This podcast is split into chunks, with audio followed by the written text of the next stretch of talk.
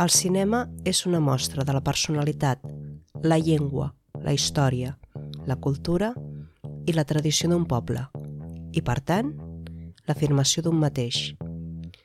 Miquel Porter i Moix,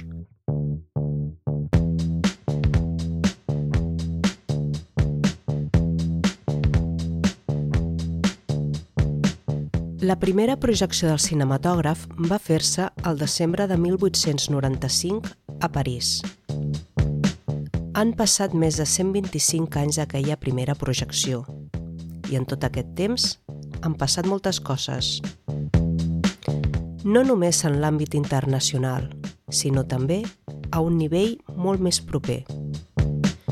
Tot i que de vegades no coneixem les coses que tenim més a prop. Es pot resumir més de 100 anys de cinema en menys de 20 minuts? Ara ho descobrirem. Llums, càmera, acció.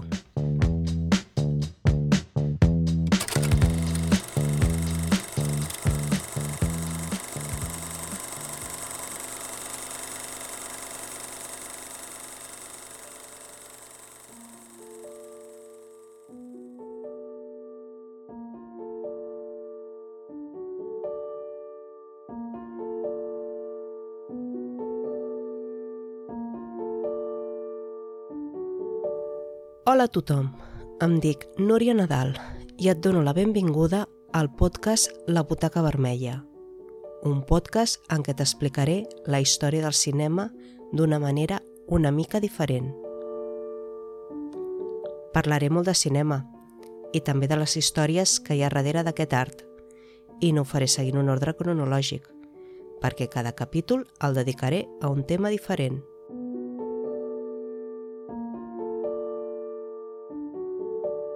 Tal com havia promès en el capítol anterior, els primers capítols seran un monogràfic sobre el cinema català i crec que val la pena que el primer sigui una aproximació general sobre el tema. Així que aquest episodi el dedicaré a fer un breu resum sobre el cinema català al llarg dels seus primers 100 anys d'història.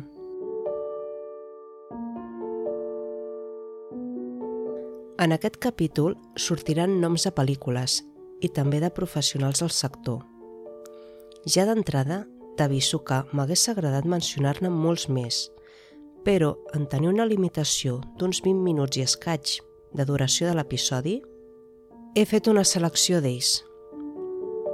Possiblement hi hagin noms que no siguin massa coneguts, però t'asseguro que cada una de les persones que menciono ha tingut un paper molt important en el desenvolupament del cinema al nostre país.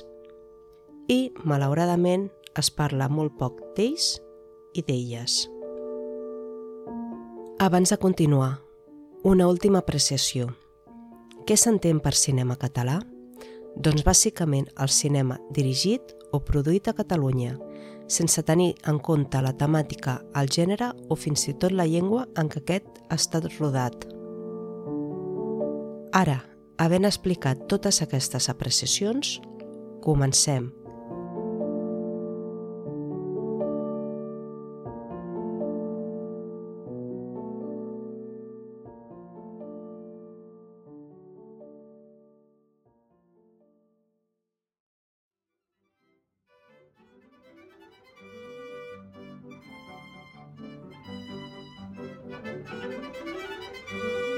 Els orígens del cinema es remunten a finals del segle XIX, en una època marcada pels avenços tecnològics, des del telèfon, el fonògraf o els mitjans de transport com l'avió. Els germans Lumière van patentar el cinematògraf el 13 de febrer de 1895. Aquell mateix any van rodar la seva pel·lícula la sortida dels sobrers de la fàbrica de Lumière a Lió. Pocs dies després d'haver-la rodat, el 22 de març de 1895, la van presentar en una sessió a la Societat Nacional de Foment de la Indústria a París. Després de diverses presentacions en societats científiques, com per exemple a la Universitat de la Sorbona, els germans Lumière van decidir fer una exhibició comercial de les seves pel·lícules. Aquesta exhibició es va fer el 28 de desembre de 1895 al Saló Indien, un soterrani del número 14 del Boulevard dels Caputxins a París. En aquella sessió, a més de la ja mencionada sortida dels sobrers de la fàbrica Lumière, també es van projectar altres pel·lícules, com l'arribada del tren a l'estació de la ciutat i el regador regat, en la qual apareix el jardiner de la família Lumière, Jean-François Clerc. Les fotografies, fins a aquell moment estàtiques, de cop i volta tenien vida i reproduïen la realitat en moviment. Amb aquest modest catàleg, el cinema va començar la seva història, com si es tractés d'un documental que vol mostrar el dia a dia. Així, amb l'arribada de l'invent que possibilitava la projecció, es va plantar el germen de la producció cinematogràfica pròpia. I és que, amb el temps, aquestes imatges en moviment van arribar a tots els racons del planeta per acabar convertint-se en un art i en una indústria cultural. I, com era d'esperar, el cinematògraf també va arribar a l'estat espanyol i a Catalunya. El cinematògraf va arribar a Catalunya al desembre de 1896, un any després de la presentació al Boulevard dels Caputxins a París. La primera projecció va fer-se a l'estudi dels fotògrafs Napoleón, un estudi que estava situat a la Rambla de Barcelona. En aquell acte hi va assistir un petit grup de convidats escollits, bàsicament l'alta burgesia i fotògrafs. I així es van anar succeint durant uns quants dies, fins que les sessions es van obrir al públic en general. Poc després, el cinematògraf va començar a circular per molts racons de Catalunya de la mà dels firaires. Entre els assistents a aquella primera projecció a l'estudi dels Napoleón hi trobem una persona que seria el primer gran nom del cinema català, Fructuós Gelabert. Gelabert era fill d'un ebanista. Continuava la tradició familiar fins que un dia li van demanar fabricar una càmera fotogràfica. A partir d'aquell moment es va dedicar amb entusiasme a la fotografia. I, quan va sentir a parlar del cinema, també es va interessar pel nou invent, però sobretot per l'aparell que permetia projectar imatges en moviment. L'interès pel cinema va ser tan gran que ell mateix es va construir una càmera que a poc a poc va perfeccionar. L'any 1897, Jalabert va filmar Baralla en un cafè. Aquesta és la primera pel·lícula de ficció amb argument tant de la història del cinema català com del cinema espanyol. Baralla en un cafè és una escena de ficció amb un petit argument de Fructuós Gelabert. Va enregistrar-se en un barri de Sants i els actors eren amics seus. Del metratge original només se'n conserva un únic fotograma. Tot i així, és possible veure-la perquè el mateix director va tornar-la a enregistrar el 1952. Gelabert també va rodar Sortida del públic de l'església parroquial de Santa Maria de Sants i Sortida dels treballadors de l'Espanya industrial, una pel·lícula que precisament inclou una de les primeres panoràmiques de la història del cinema. Aquestes peces recorden molt els primers enregistraments dels germans Lumière. Un altre nom imprescindible dels inicis de la cinematografia catalana és Segundo de Chemunt. Aquest aragonès va arribar a Barcelona al 1900. Va començar en el món del cinema pintant les pel·lícules a mà, però va destacar sobretot com a creador de films fantàstics. Va portar moltíssimes novetats al cinema, com la introducció de maquetes, animacions, trucatges i moltíssimes tècniques noves. A més, Chomon va ser el primer cineasta que va adaptar contes de la literatura universal, títols que de ben segur hem llegit quan érem petits. A l'any 1903 ho va fer amb Pulset, una adaptació del conte de Charles Perrault, i Gulliver, El país dels gegants, que era una adaptació del conte de Jonathan Swift. Altres homes vinculats al camp de la fotografia també van començar a produir pel·lícules a Catalunya. Podem recordar Albert Marro, que es va especialitzar en films documentals, o Ricard de Baños, que va intentar fer films sonors enregistrant per una banda la imatge i per una altra, amb discs de gramòfons, el so. A més, Ricardo de Baños va muntar a Barcelona la productora Hispano Films. Entre aquests noms no podem oblidar-nos de Baltasar Abadal. A més de difondre el cinematògraf per les comarques de Catalunya com a firaire, també va començar a distribuir pel país les noves pel·lícules de les productores estrangeres i també va produir films que recollien l'actualitat de ciutats com Manresa.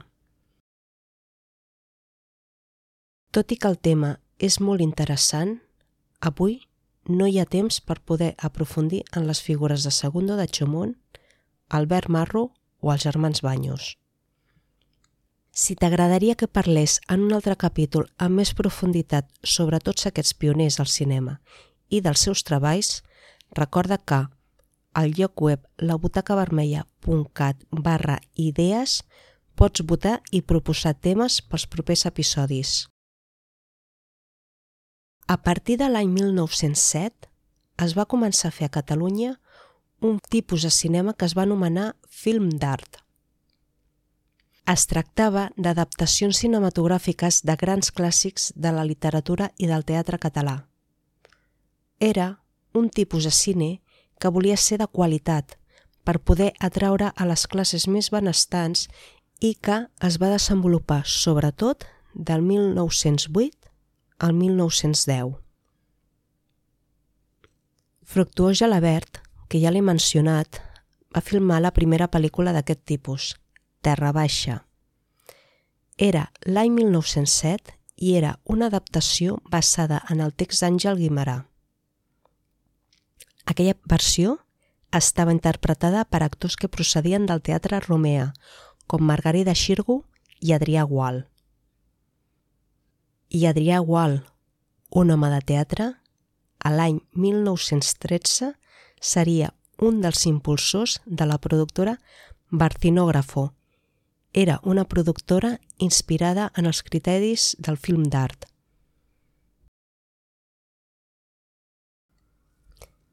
Fins la dècada dels anys 20, la cinematografia catalana va viure un moment molt dolç. Barcelona s'havia convertit en la capital del cinema a Espanya.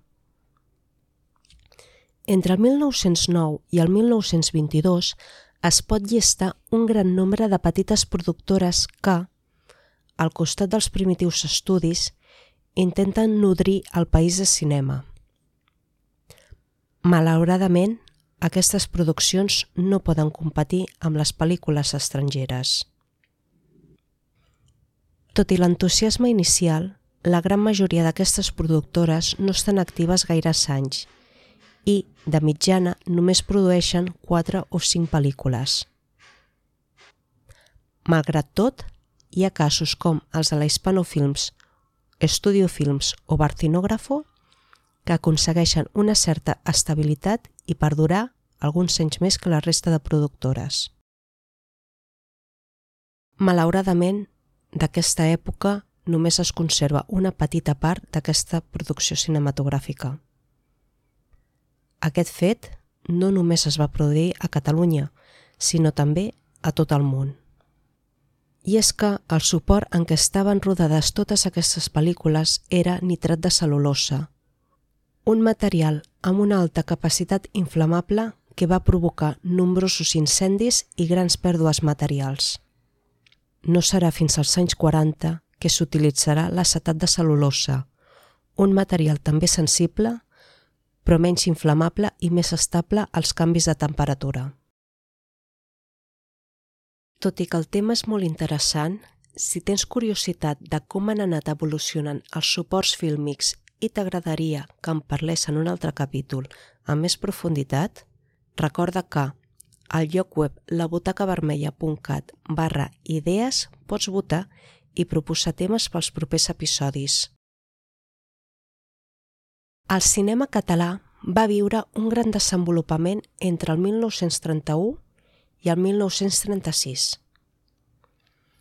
Gràcies a l'aparició del cinema sonor, la Segona República i la restauració de la Generalitat de Catalunya van ajudar a crear una indústria del cinema molt potent.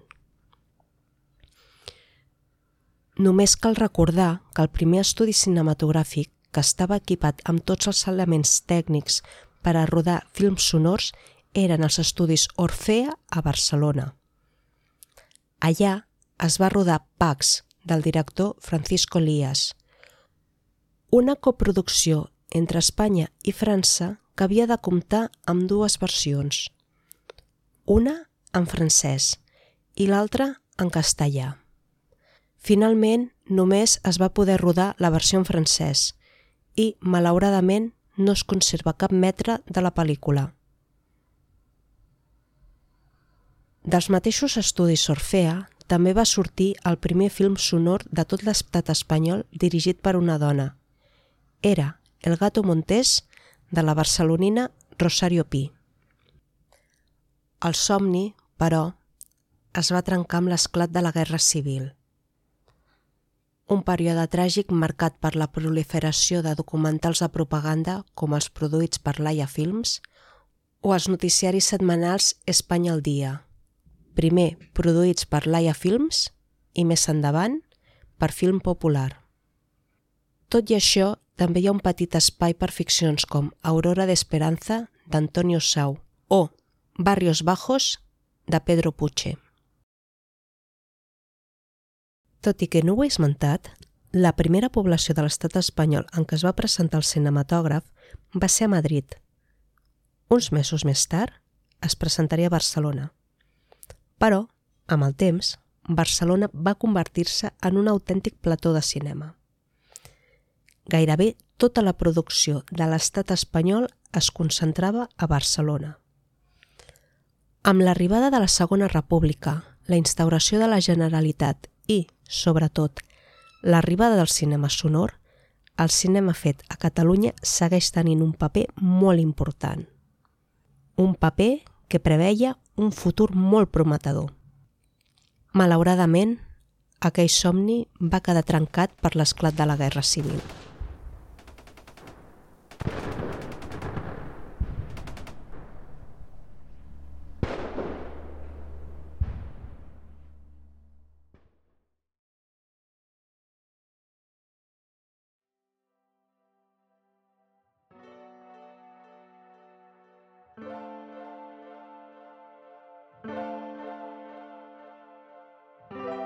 I fins aquí aquest episodi de la Butaca Vermella, en què he fet un breu resum sobre la història del cinema a Catalunya, parlant des de l'inici del cinema fins a l'esclat de la Guerra Civil.